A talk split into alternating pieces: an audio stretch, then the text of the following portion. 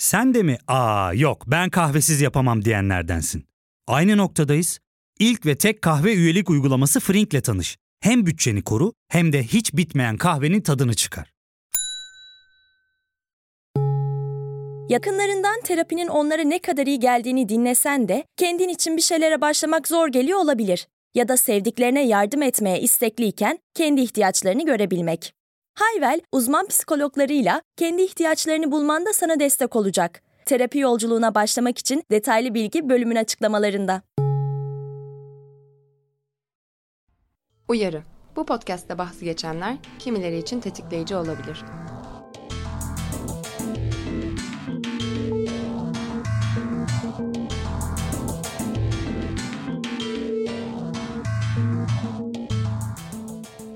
Hayvan Hakları İzleme Komitesi'nin açıkladığı rapora göre 2020 yılının ilk 6 ayında en az 521 milyon 582 bin hindi ve tavuk eti için 251 hayvan zehirlenerek 726 hayvan avcılar tarafından öldürüldü. Eti veya kürkü için öldürülen diğer hayvanların sayısı ise bilinmiyor. 764.347 hayvan ihmal, 2275 hayvan araç çarpması nedeniyle hayatını kaybetti. 1 milyon 468 bin 735 hayvan suni tohumlama yöntemiyle, 567 bin 435 hayvan elektroejekülasyon yöntemiyle cinsel şiddete maruz bırakıldı. 5 hayvana tecavüz vakası raporlanabildi. 521 milyon 728 bin 39 hayvanın özgürlüğü kısıtlandı. Hayvanların katledilip adına da bayram dendiği günleri bu yıl için geride bırakmış olsak da hayvan sömürüsü, cinayetleri ve hayvanlara uygulanan cinsel şiddet normalmiş gibi devam ediyor. Carol J. Adams'ın Etin Cinsel Politikası, Feminist Vejeteryan Eleştirel Kuram başlıklı kitabı 90'lardan beri özellikle hayvan hakları savunucuları ve feministler arasında elden ele dolaştı, hediye edildi, hatta belki ödünç verildi ama geri alınamadı.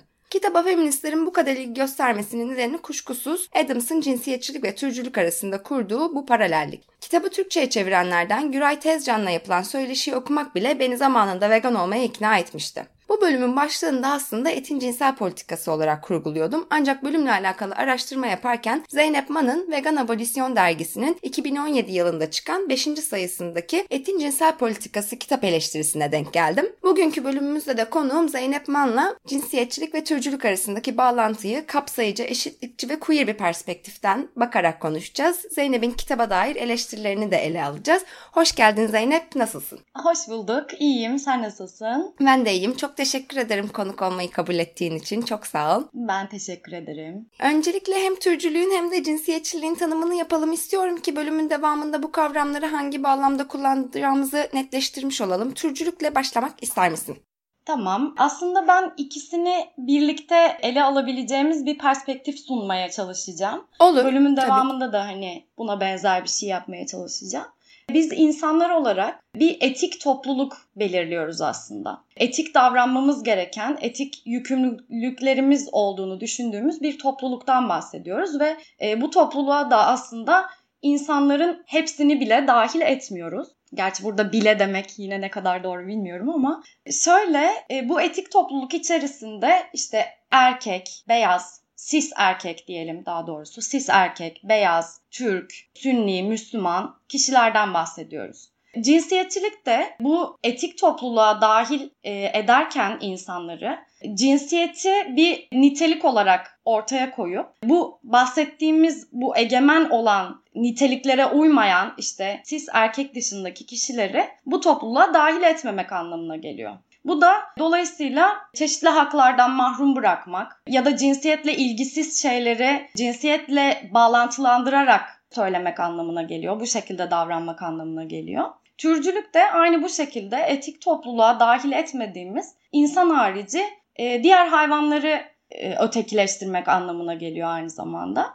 Richard Ryder 1970 yılında türcülüğün bir tanımını yapmış ilk defa aslında. Burada da insan türünün özde diğer bütün türlerden üstün olduğu ve bu sebeple his ve duygu sahibi olan öteki hayvanların talep edemediği hak ve ayrıcalıklara sahip olduğu yönündeki son derece yaygın bir inanç olduğundan bahsediyor türcülüğü. Bu şekilde özetleyebilirim. Çok teşekkürler. Ve böyle türcülükle mücadelede daha veganizm ön planda çıkarken cinsiyetçilikle mücadelede daha feminizmin ön plana çıktığını söyleyebilir miyiz sence de? Evet doğru. Etin cinsel politikasında Carol J. Adams, patriarkanın kadın ve hayvanların bedenleri üzerinde birbirine paralel bir tahakküm kurduğunu söylüyor ve ayrı endişelermiş gibi görünen veganizm ile feminizm arasında bir bağ kuruyor. Etin cinsel politikasına yönelik eleştirilerini mesela ele alacağız ilerleyen dakikalarda ama öncesinde sen veganizm ve feminizm arasında bir bağ kuruyor musun? Nasıl bir bağ kuruyorsun kuruyorsanı sormak istiyorum sana. Aslında Carol Adams'ın kurduğu biçimiyle bir bağlantı kurmuyorum. E, çünkü söz konusu ayrımcılık biçimleri arasında çok ciddi farklar var. Tabii ki elbette ki bütün ayrımcılık biçimleri arasında bağlantılar var. Birbirlerinden beslenme söz konusu. Fakat cinsiyetçilikten bahsettiğimizde insanlar arası bir tür ayrımcılıktan bahsediyoruz. Dolayısıyla hem işin öznesi hem de faili insanlar konumunda. Fakat hayvanlardan bahsettiğimizde hayvanları sömüren birincisi yalnızca egemen cinsiyet değil. E, ve dolayısıyla biraz bu bakış açısı bana şey gibi geliyor. Sorunu sisteme yüklemek, faili dışarıda aramak gibi. Benim kurduğum bağlantıysa daha çok kesişimsel feminizmin ortaya koyduğu bir kavram üzerinden şekilleniyor. Burada da işte hiyerarki diye bir kavramdan bahsediyor kesişimsel feminizm. Yani bazı kimliklerimizden ötürü ezildiğimiz kadar bazı kimliklerimiz sayesinde de ezen ya da sömüren konumunda olabiliyoruz. Burada mesela kesişimsel feminizmin şu açıdan önemli olduğunu düşünüyorum. Veganlık konusunda da, hayvan hakları konusuna bakışta da. Kendi ayrıcalıklarımızı, yani kendi ezen konumunda olduğumuz pozisyonları fark edebilmek için önemli olduğunu düşünüyorum. Yine bu etik topluluğun üyesi olanlar ve olmayanlar bağlamında bakarsak. Evet yani özellikle kesişimsel feminizmin vegan olmanın gerekliliğini ortaya koyacak bir pozisyonlanmada olabildiğini söyleyebiliriz sanırım burada. Sen de bana evet. Kaos GL'de Umut Erdem'in bir yazısını yollamıştın bununla alakalı. Çok teşekkür ederim. Hı hı. Umut da aynı Rica yazıda ederim. şunu söylüyor. Evet kesişimsel feminizm gerekli diyor. Çünkü insan olmanın ayrıcalığına dayanarak insan harici hayvanları aslında kişi olmalarına rağmen kendimizden güçsüz ve savunmasız görerek onları türü nedeniyle köleleştiriyoruz. Vegan olmamız zaten gerekli ama bunun bağlantısını kesişimsel feminizmle kurarak hayvanlar üzerinde nasıl iktidar yarattığımızı fark edebiliriz ve buna son vermek için ilk ve temel adımı atıp vegan olabiliriz diyor. Teşekkür ederiz buradan da Umut'a. Evet teşekkürler Umut. Çoğu zaman neyi yediğimizi sorgulasak da kimi yediğimizi sorgulamıyoruz. Birileri birileri tarafından tüketim nesnelerine dönüştürülüp bu durumda neredeyse normal kabul edildiğinde bu baskın görüşe itiraz etmek zorlaşıyor. Peki patriarka hayvan yemeği ne şekilde şekillerde onaylıyor diyebiliriz? Burada da yine ben hiyerarki kavramına geri dönmek istiyorum. Yine bu bağlantıda değerlendirmek istiyorum. Burada Silan Ferguson'ın Everyday Feminism'deki makalesinin başlığında şöyle bir şey söylüyor. Artık yalnızca patriarkayla mücadele etmiyoruz. Hiyerarki kavramını açıklarken böyle bir şey söylüyor. Hı hı. Elbette ki hakim paradigma ataerkillik üzerinden şekillendiği için hayvanlar söz konusu olduğunda da bunun izlerini görmek, araştırmak mümkün.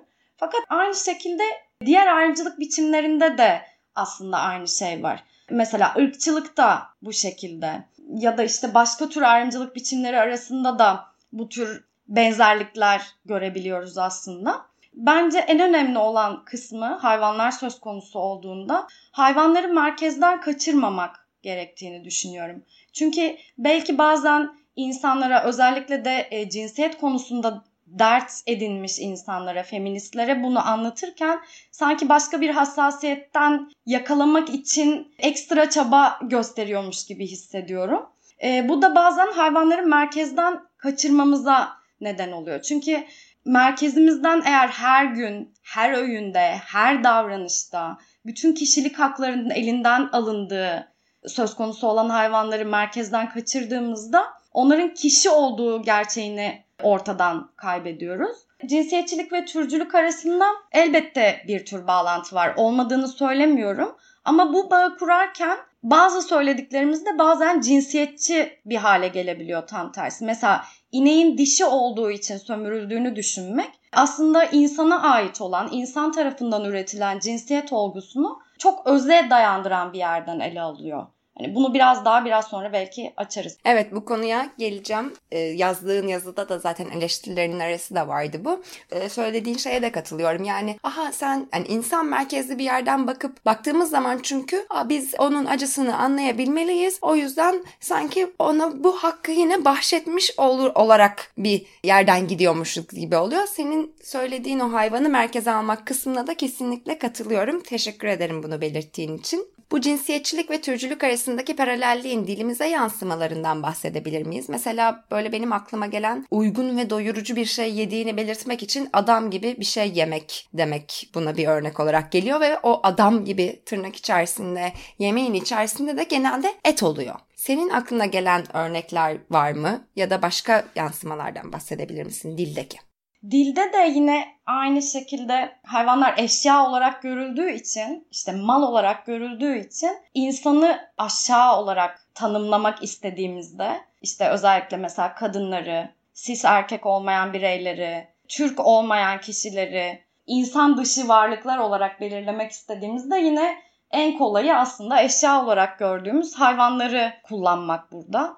Mesela işte bunu yeni duydum ben e, hı hı. ev kadını, evli kadın anlamında ev tavuğu kullanılıyormuş mesela. Gerçekten ben de Bayağı, duymamıştım evet, bunu. İlginç evet. geldi bana da. Yine işte burada şey tavuk zaten hani bir kişi değil hani bir eşya ve işte sessiz, sakin. İşte evli kadın da öyle olmalı falan gibi bir bakış açısı var herhalde. Ya da mesela ithal et diye bahsettikleri işte Türk olmayan seks işçilerine mesela. Hı hı söyleniyormuş. İşte mesela ya da tavuk götü tövbe tutmaz diye bir şey. İşte burada da kadınlar tarafından verilen sözlere fazla güvenmemek gerektiğini işte Hı-hı. anlatmak için söylenen bir şeymiş. Yine burada hani cinsiyetçilikle türcülüğün aynı diğer ayrımcılık biçimlerinde olduğu gibi el ele gittiğini görebiliriz evet. diye düşünüyorum. Benim aklıma bir örnek geldi. Bayağı korkunç bir örnek. Bodur pilicin eti her daim taze diye bir şey duymuştum mesela. Daha minyon tipli kişilerin daha geç yaşlanacağını ve daha işte taze falan neyse korkunç anladık bağlantıyı. evet. evet. Peki gelelim senin kitapla alakalı eleştirilerine. Kitaptaki cinsiyet tanımlarının oldukça özcü biçimde yapılandırılmış olduğunu yazmışsın. Kitapta et yeme ve patriarka arasında kurulan paralelliklerde cinsiyetçiliği sorgulamak yerine toplumsal cinsiyet rollerinin perçinlendiğini söylemişsin. Bu söylediklerine katıldım ama senden tabii ki de dinleyenler için tekrar etmeni isteyeceğim. Burayı açıklar mısın? Yani özcü ve indirgemeci olmadan peki bu paralellikle alakalı neler diyebiliriz? Kitapta toplum tarafından keskinleştirilen cinsiyet rollerine bir takım atıflarda bulunuluyor. İşte ataerkil yapı erkeklerin hayvan yemesini, işte kadınların da bitkisel beslenmesini uygun görüyor diyor Carol Adams. Fakat bunun sonucunda ortaya koyduğu bir perspektif yok. Yani evet bize ataerkil yapı bunu söylüyor ama biz bunun karşısında ne diyoruz? Yani buna bir cevap bulamadım ben kitapta. Aslında bir cevap var ama hani onun cevap olduğunu kabullenmek mi istemiyorum bilmiyorum. Çünkü şöyle bir şey anlatmaya başlıyor sonrasında. Şefkat etiğinden dem vuruyor ve işte kadınlar zaten şefkatli, vejeteryan olmaya daha yatkın gibi bir yoldan gitmeye başlıyor. Erkekler için biçilen rol ise kadınları anlamak, ve bunun üzerinden hani vejeteryan olabilmek gibi. Burada bu arada ek olarak bir şey daha söyleyeyim konuyu çok dağıtmadan. Kitap hayvan hakları ile ilgili bir perspektif sunarken vejeteryanlıktan dem vuruyor zaten tamamen. Yani tümüyle bir hayvan sömürüsüne karşı çıkmaktan, hayvanların mal ve kaynak olarak kullanılmaması gerekliliğinden bahsetmiyor. Hayvan eti, hayvanın bedeninin yenmesi üzerinden bir şey anlatıyor. Bunun kendisi de çok sıkıntılı bir şey. Gelelim bu özcü olma meselesine. Burada da mesela hayvanları cinsiyetlendirmesinden söz edebiliriz. Mesela işte ineklerin kadın olduğunu mesela nereden biliyoruz? Beyanlarını bilmiyoruz. Evet, aynen öyle. Kadın olduklarına dair fikrimiz tamamen genitallerinden kaynaklanıyor. Ya da mesela işte bu annelik söylemi de aynı şekilde işte. İneğe kendisi bir kişi olduğundan, onun bedeninden çıkan bir çıktığı tüketmemek gerekliliğinden bahsetmek yerine işte ineğin annemiz olmadığından bahsediyoruz. Bunun kendisi de çok cinsiyetçi bir yerden aslında diye düşünüyorum. Evet yine o Bir sanki şey o tırnak içinde kutsal annelik vaziyetini de Hı hı. birazcık ortaya koyuyormuş gibi. Bir de şeyden bahsetmişsin mesela hayvanların cinsiyetsiz zamir ile tanımlanarak değersizleştirildiğini söylemesinden e, Carol J. Adams'ın. Tabii hani Evet. bunun da İngilizcenin yapısından dolayı he, she, it ve buradaki itle hayvanlardan bahsediyor oluşuna bir eleştirisi var e, Adams'ın.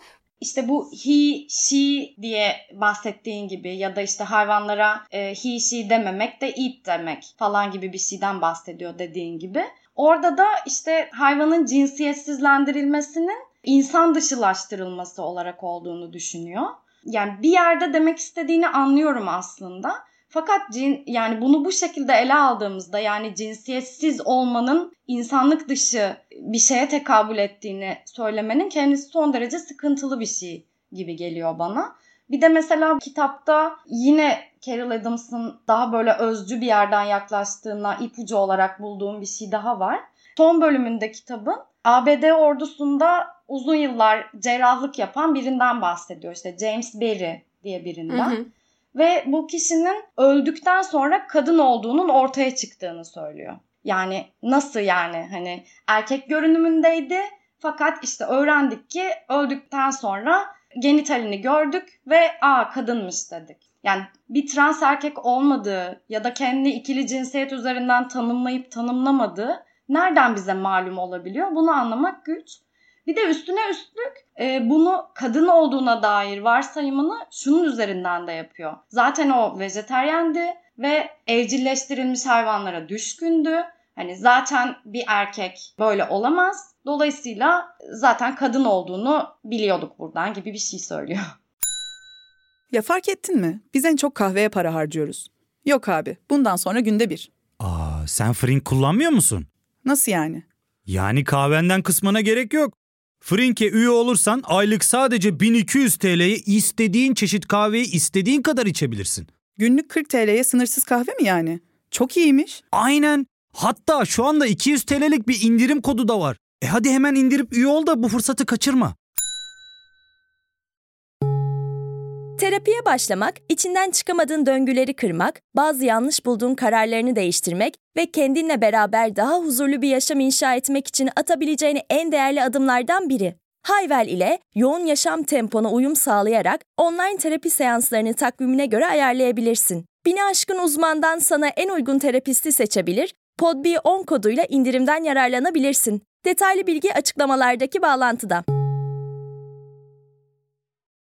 Evet böyle yaptığında da o geleneksel toplumsal cinsiyet rollerini de perçinlemiş oluyor senin de eleştirdiğin gibi. Ve e, şey yazmıştın işte kime kadın kime erkek dediğimizde insan merkezli olarak şekillenecektir eğer hayvanlara da cinsiyet atamaya kalkarsak demişsin. Birileri güçsüz olanlara kadın demeyi tercih ederken birileri işte ama olana kadın demeyi tercih edecek ve bu seçimde oldukça özcü olacaktır demişsin. Peki Adams gerçek bir nesneyi veya yaşamı yok etmek ve yeni bir şey yaratmak için kayıp göndermek kavramını ortaya koyuyor. Başka bir deyişle etin hayvandan ve hayvandan nihai üründen ayrılmasıyla etin bir zamanlar bir hayvan olduğu, biri olduğu fikrinden ayrılması sağlanıyor diyor. Hayvanlar kayıp göndergelere dönüştürüldükçe yok ediliyor ve varlıkları ete indirgeniyor. Ve bu işte ambalajlarda parçalanmış vesaire şekilde bizim önümüze geliyor ve bu nedenle de hayvanı yerken tabağımızda onun ölümüyle yüzleşmeden onu yemiş oluyoruz. Aynı şekilde kadınlar da böyle işte cinsel nesne olarak görüldüğünde kadında vücuda işte bedene indirgenmiş oluyor. Kimliği, yaşamı ya da kariyeri önemli değilmiş. O yani bunların hepsi kalçaya ya da işte göğüse indirgenebilir şekilde olduğunu söylüyor Adams kitapta. Ve daha çok bu kavramı da kayıp gönderme kavramını da porno üzerinden ortaya koyuyor. Kadın bedeninin cinsel tüketimi kadını et parçası olarak gören bu zihniyetin ürettiği görüşle et yemekle ilişkilendirerek aktarıyor bunları. Ve bu konuda da senin çeşitli eleştirilerin var. Bunlardan birazcık bahsedebilir miyiz ve bu bağlantıyı nasıl daha kapsayıcı temellere oturtabiliriz diye sormak istiyorum Hı. sana. Ben öncelikle hayvanın ölümüyle yüzleşemediğimiz gibi bir varsayıma katılmıyorum. Çünkü e, birinin ölümünden bahsediyorsak eğer zaten onu bir kişi olarak görüyoruz ve Hı hı. bir hayvanı kişi olarak görüyorsak zaten onu tüketmeyiz herhangi bir şekilde sömürmeyiz, kullanmayız yani. Dolayısıyla işte bir ölüm vardı ve sonrasında parçalanarak bu bizden saklandı ve biz bu ölüm imgesinden uzaklaştık gibi bir anlatı bana doğru gelmiyor. Çünkü Zaten insanlar, vegan olmayan insanlar diyelim, hayvanları kişi olarak görmedikleri için bu tür bir ölümden uzaklaşma gibi bir anlatı bana doğru gelmiyor. Çünkü zaten ölüm olarak görmüyorlar yani. İşte hayvanlar zaten insanların kullanması için var olan bir takım eşyalar gibi görülüyor. Hı hı. Yasa tutulacak birileri değil haliyle gibi Aynen olmuş öyle. oluyor. Aynen öyle. Burada mesela işte bir portakalın ölümünden bahsetmek gibi bir şey oluyor ancak bu insanlar için. Zaten yani hani insanlar için var olan eşyalar oldukları için. insanlar gayet de yediklerinin hayvan olduklarının, o çıktıların onlardan çıktığının sütün, işte yumurtanın gayet farkındalar aslında. İşte mesela kasaplarda çok ilginç bir şekilde böyle peluş kuzular var mesela işte. Peluş inekler var. Gayet böyle orada süs olarak konmuş falan hani. Bir yandan da mesela sorunun bu yalnızca endüstriye indirgenmesine ne, neden olabilecek bir şey. Çünkü şöyle bir şey oluyor işte bir endüstriyel bir üretimden bahsediyor orada aslında. İşte bir hayvan var ve işte parçalara ayrılıyor, bir işlemden geçiyor, sonucunda bize ulaşıyor falan diye. Ama sorun bu değil aslında. Sorun hayvanların kullanılıyor olması. Mesela bir köyde biri gayet işte şefkatli bir şekilde ineğine yaklaşıp ondan süt aldığında işte onunla bir ilişki kurduğuna iddia ettiğinde bu durumda bize söyleyecek bir şey kalmamış oluyor eğer bu bakış açısından bakarsak. Evet ben de bunu ilk okuduğumda yani kayıp göndergenin bu kısmını ilk okuduğumda hani Türkiye'de hani bayram demeye dilim varmıyor ama bayram diye bilindiği için diyorum kurban bayramı diye bir şey olduğu için biz o ölümle yüzleşiyoruz. Biz bayağı bunu ben küçükken hatırlıyorum gayet normalleştirmiştik yani hani şimdi düşündüğümde korkunç geliyor ama o zaman normali buymuş gibi geliyordu yani. Aynen gayet gözümüzün önünde olan bir şey porno ile alakalı e, eleştirilerim var bir de. Yani çok fazla evet. porno üzerinden açıklaması, e, bu kayıp gönderme meselesini, kadının da et parçası olarak görülme meselesini bunlardan birazcık konuşalım mı? E, zaten Carol Adams sık sık şeye gönderme yapıyor. Women Against Pornography ağına. Zaten işte kendisi bir ilahiyatçı ve e, sürekli pornoya kategorik olarak karşı çıkması söz konusu. Elbette hani porno içerisinde cinsiyetçilik yok mu? Elbette ki var. Her sektörde olduğu gibi bu sektör içerisinde de bir cinsiyetçilik söz konusu olabiliyor. Ama bunun karşılığında işte pornoyu kategorik olarak reddetmek, işte porno ne demek? Cinselliğin ayan beyan gösterilmesi demek mesela. Buna hepten karşı çıkmak aslında çok ahlakçı bir yere tekabül edebiliyor ve biraz zorlama olmaya başlıyor bir yerden sonra. Bunun yerine etik porno nedir? İşte feminist porno nedir, queer porno neden önemlidir? Bunları yaygınlaştırmak daha önemli geliyor bana. Kadınları ya da erkek olmayanları diyelim cinsellikten azade olmaya zorlamak pek de eşitlikçi bir yerde durmuyor açıkçası. Kesinlikle ben de katılıyorum bu söylediğine. Hatta şey e, fetiş kısmını da böyle bayağı saldırı olarak algıladığını yazmışsın. E, ve şey demişsin hayatın her alanında olduğu gibi porno sektöründe de cinsiyet ayrımcılığı nüveleri bulunabilir. Ancak eğitimde bulunan ayrımcılık eğitim sistemini hepten kötü algılamamıza yol açmıyorsa pornoda da böyle olmalıdır. Aksi takdirde cinselliğe dair bir tutum söz konusu olduğunda daha özel davrandığımız sonucu çıkar. Genel ahlaka dair tutumu yeniden üretmiş oluruz yazmışsın. Ve ben de buna katılıyorum. Yani belki orada daha ana akım porno olarak anlatsam ya da porno içindeki şu şu şu örneklerde gördüğümüz gibi dese bence de daha kapsayıcı bir yerden bakabilirdi bu konuyla alakalı. Burada senin de dediğin gibi bana biraz bana da biraz böyle porno karşıtı ve ahlakçılık yapıyormuş gibi oluyor. Ve e, Adams'ın seks endüstrisini de olumsuzladığını söylüyorsun. Bunu da birazcık konuşabilir miyiz? Aslında burada bir baktım sonradan yazı yazalı da bayağı oluyor. Kitabı okuyalı da aynı şekilde. Benim de öyle. Sonrasında fark ettim ki evet. Sonrasında fark ettim ki yani tam ifade edememişim ya ya da aslında birazcık niyet okumuşum bir yandan da. Bu da kendime bir eleştiri olsun bir yandan. Çok seks negatif bir yerden düşündüğü için bunu da böyle gördüğüne dair bir ipucu görmüşüm. Çünkü işte mesela porno da aslında bir yandan seks endüstrisinin evet. içinde düşünülebilecek bir şey ve pornoyu direkt olarak bir cinsel sömürü olarak tanımlıyor. İşte dediğin gibi mesela fetiş ya da BDSM e, bunları mesela çok öcüleştiren bir yerden bakıyor. Mesela şöyle bir şey demiş. Pornografinin kölelik gereçleri, zincirler, gütme sopaları, kementler, köpek tasmaları ve ipler hayvanların zaptını çağrıştırır. Böylece şiddetin mağduru kadınlar olduğunu olduğunda akla hayvanlara yapılan muamele gelir. Yani bu neden bir şiddet biçimi olarak görülüyor? Yani cinsellik içerisindeki bir yönelim diyelim BDSM yönelimi pratiklerden bir tanesi. Karşılıklı onaya yani tüm tarafların kaç taraf varsa artık bu işin içinde onayı alındığı müddetçe kesinlikle burada da bir sorun görmüyorum ve bunun dışarıda bırakılmasını problematik görüyorum ben de. Ve e, cinsellik hiyerarşisi üzerinden ensestlikle alakalı eleştirilerin var kitapta yazanlara. Burada ensest üzerinden nasıl bir türcülük yapıldığından bahseder misin kitapta? Kitapta sık sık Thomas Tryon diye birinden alıntıda bulunuyor e, yazar ve e, yaptığı bir alıntıda şöyle bir şey diyor Tryon. Et ve kan insanoğluna yaraşır bir yemek olamayacak kadar hayvan yaşamıyla yakından akrabadır. Adeta abla ile kardeşin evlenmesi gibi. Ee, burada görüyoruz aslında hani hı hı. abla ile kardeşin evlenmesinden bahsettiği şey zaten işte cinsellik hiyerarşisi üzerinden ensest diyelim buna. Bunu aşağılık bir eylem olarak değerlendiriyor ve bu aşağılık olan eylemi de hayvana atfetmiş. Yani hayvanlar içerisinde olur bu ve bu da aşağılıktır, insan yaşamına yaraşmaz gibi bir yerden bakmış. O yüzden söylemiştim bunu. Yani gerçekten e, ben kitabı okurken bundan 6 sene önce bu, bu perspektiften de bakamıyordum. Öyle bir gözle okumuyordum. Öyle bir okuma yapabilecek vaziyette değildim o zamanlar. Ama senin yazını hmm. okuduğumda evet falan oldum gibi şeyleri hatırladıkça böyle aa doğru doğru. Yani şimdi okusam büyük ihtimalle dikkatimi çekerdi daha fazla bunlar diye düşünüyorum. Ama gerçekten yazında da bunlara dikkat çekmem bence çok iyi olmuş. Teşekkür ederim. Bir de şöyle bir şey zaten bu kitap öyle bir durumda ki bir yerden sonra bence insanlar dönüp okumayı da unuttular. Yani ben de öyleyim yani şu anda. Sadece benim okumuş olduğum dönem açısından belki şanslıydım bu eleştirileri getirebilmek adına. Fakat bir yerden sonra bir rafa kaldırılmış ve adeta bir kutsal kitap gibi işte her cinsiyetçilik ve veganlık konuşulduğunda atıfta bulunan bir yerde duruyor. Fakat çok ciddi sıkıntıları var. Evet, evet kesinlikle öyle. Ve anaerkil vejeteryan dönemle alakalı da yazdıkların olmuş kitaba dair. Ee, buradaki problematik ne ve daha eşitlikçi bir yerden nasıl ele alabiliriz bu meseleyi de?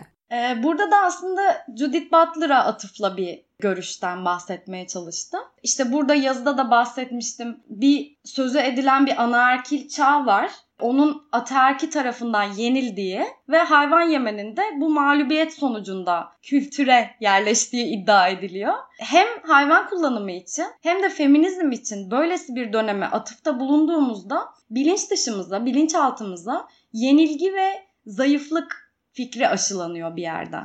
Yani Butler da bunu bir yerde tam olarak şu an hatırlamıyorum ama bir yerde işte anaerkil çağdan bahsederken böyle bir söylemde bulunmuştu. Oradan benim de hani kafam açılmıştı bu konuda diyeyim. Ayrıca anarkil dönem diye bir dönemden bahsediyorsak da hani bir erkten bahsediyorsak da sadece iktidar ilişkilerinin tepe taklak olmuş olduğu bir döneme atıfta bulunuyoruz. Evet ortadan kalkmıyor. Evet herhangi bir cinsiyetin egemen olduğu işte diğerini ezdiği falan herhangi bir dönem bende bir özlem yaratmıyor açıkçası. Ayrıca yine dediğim gibi bu vejeteryanlık üzerinden bir anlatı olduğu için bir yandan da bu anarkil çağ anlatılarının tümünde hayvan kullanımının devam ettiği dönemler bir yandan da.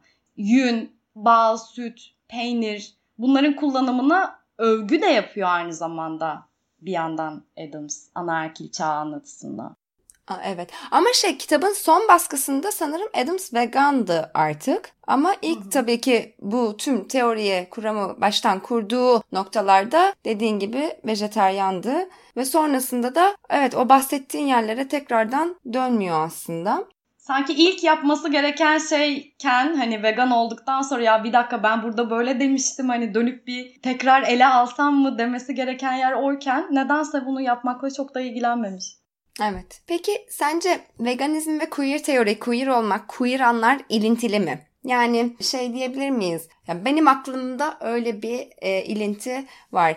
Yani baskın e, olarak pratik edilen şey e, hayvanları yemek kullanmak ve sömürmekken bunu yapmadığın anda aslında garip bir şey yapmış oluyorsun ve queer bir şey yapmış oluyorsun. Yani bu baskına olan bir direnişi gösterdiğinde, bu performansı sergilediğinde bana gayet queer geliyor. Sen ne düşünüyorsun bu konuda? Evet ben de buna benzer düşünüyorum. Zaten queer'i hani bir, bir yandan da işte bir bağlantılanma biçimi, işte bir paradigmayı dürtme biçimi, işte e, kalıplaşmış dediğin gibi sorgulanmayan, öyle varsayılmış her türlü disiplinin tam ortasına çeşitli sorular bırakmak aslında queer. Yani queer bir düşünme biçimi bence bir yandan da. Ve zaten günümüz ve geçmişteki çoğu hani toplumun da en keskin, en tartışmasız görünen paradigması hayvanların birer mal ve kaynak olması. Veganlık aslında tam da bu bağlamda queer bir yerden paradigmayı alt üst eden bir yerde duruyor. En azından sorduğu sorularla bile yani işte bu kişi değil mi bu hayvanlar? Neden kişi değil gibi. Bu soruya yönlendirmek insanları oldukça queer bir perspektif. Yalnız e, burada yine her zaman akılda tutmamız gereken şeyi tekrar hatırlatmak istiyorum ben. Bunu bir kimliklenme biçimi olarak ele aldığımızda veganlığı şeye dönüşmeye başlayabiliyor. Yine konu hayvanlardan sapmaya müsait. Çünkü evet tabii ki vegan olarak yaşadığında toplumda dediğin gibi diğer işte hayvan yemenin normal sayıldığı bir toplumda bu tür bir davranış biçimi dediğin gibi algılanıyor. Fakat biz her zaman konunun bizimle ilgili olmadığı, hayvanlarla ilgili olduğu ve onlara haklarını teslim ettiğimiz hani bunu sürekli akılda tutmak, sürekli belki kendimize de tekrarlamak gerektiğini düşünüyorum. Bence de haklısın. Ee, daha hayvan merkezli bir yerden yaklaşmalıyız bu meseleye diye düşünüyorum ben de. Katılıyorum sana ve benim de mesela kafamdaki soru böyle hep şeyle başlamış. Sen kimsin ki yani? Ama böyle çok kendime kötü davranan bir yerden değil de hadi ya sen kimsin ki buna karar verebiliyorsun gibi böyle kendi kendime bir olumlu bir yere doğru giden bir had bildirme yaşayarak başladı bu sorgulama diyebilirim. Ee, çok teşekkür ederim Zeynep bu bölüme konuk olduğun için. Senin eklemek, sormak, söylemek istediğin bir şeyler var mı? Ben teşekkür ederim. Çok keyif aldım. Umarım toparlayabilmişimdir söyleyeceklerimi. Bence gayet güzel oldu. Senin yazını görmem bile gerçekten çok seyir değiştirmiş bir bölüm. O yüzden e, çok yani seni konuk etmem benim için çok önemli ol, oldu. Ee, çok teşekkürler çok teşekkür ederim. tekrardan. Ben de çok memnunum mental klitoris'e katıldığım için. çok çok teşekkürler. O zaman bir sonraki bölümde görüşmek üzere.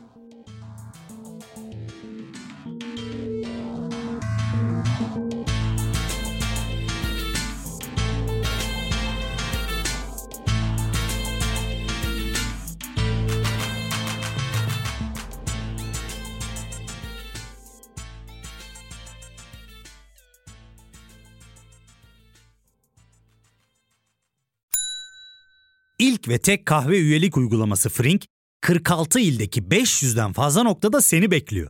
Açıklamadaki kodu girerek sana özel 200 TL'lik indirimden faydalanmayı unutma. Hadi sen de Frink üyeliğini başlat, kahven hiç bitmesin. Hem bugününe hem yarınına katacaklarıyla terapi yolculuğuna ve daha iyi hissetmeye bugün Hayvel ile başla. Açıklamadaki linkten Hayvel'i indir, ücretsiz tanışma görüşmelerinin ardından bütçene uygun seans paketini seç ve terapi yolculuğuna başla.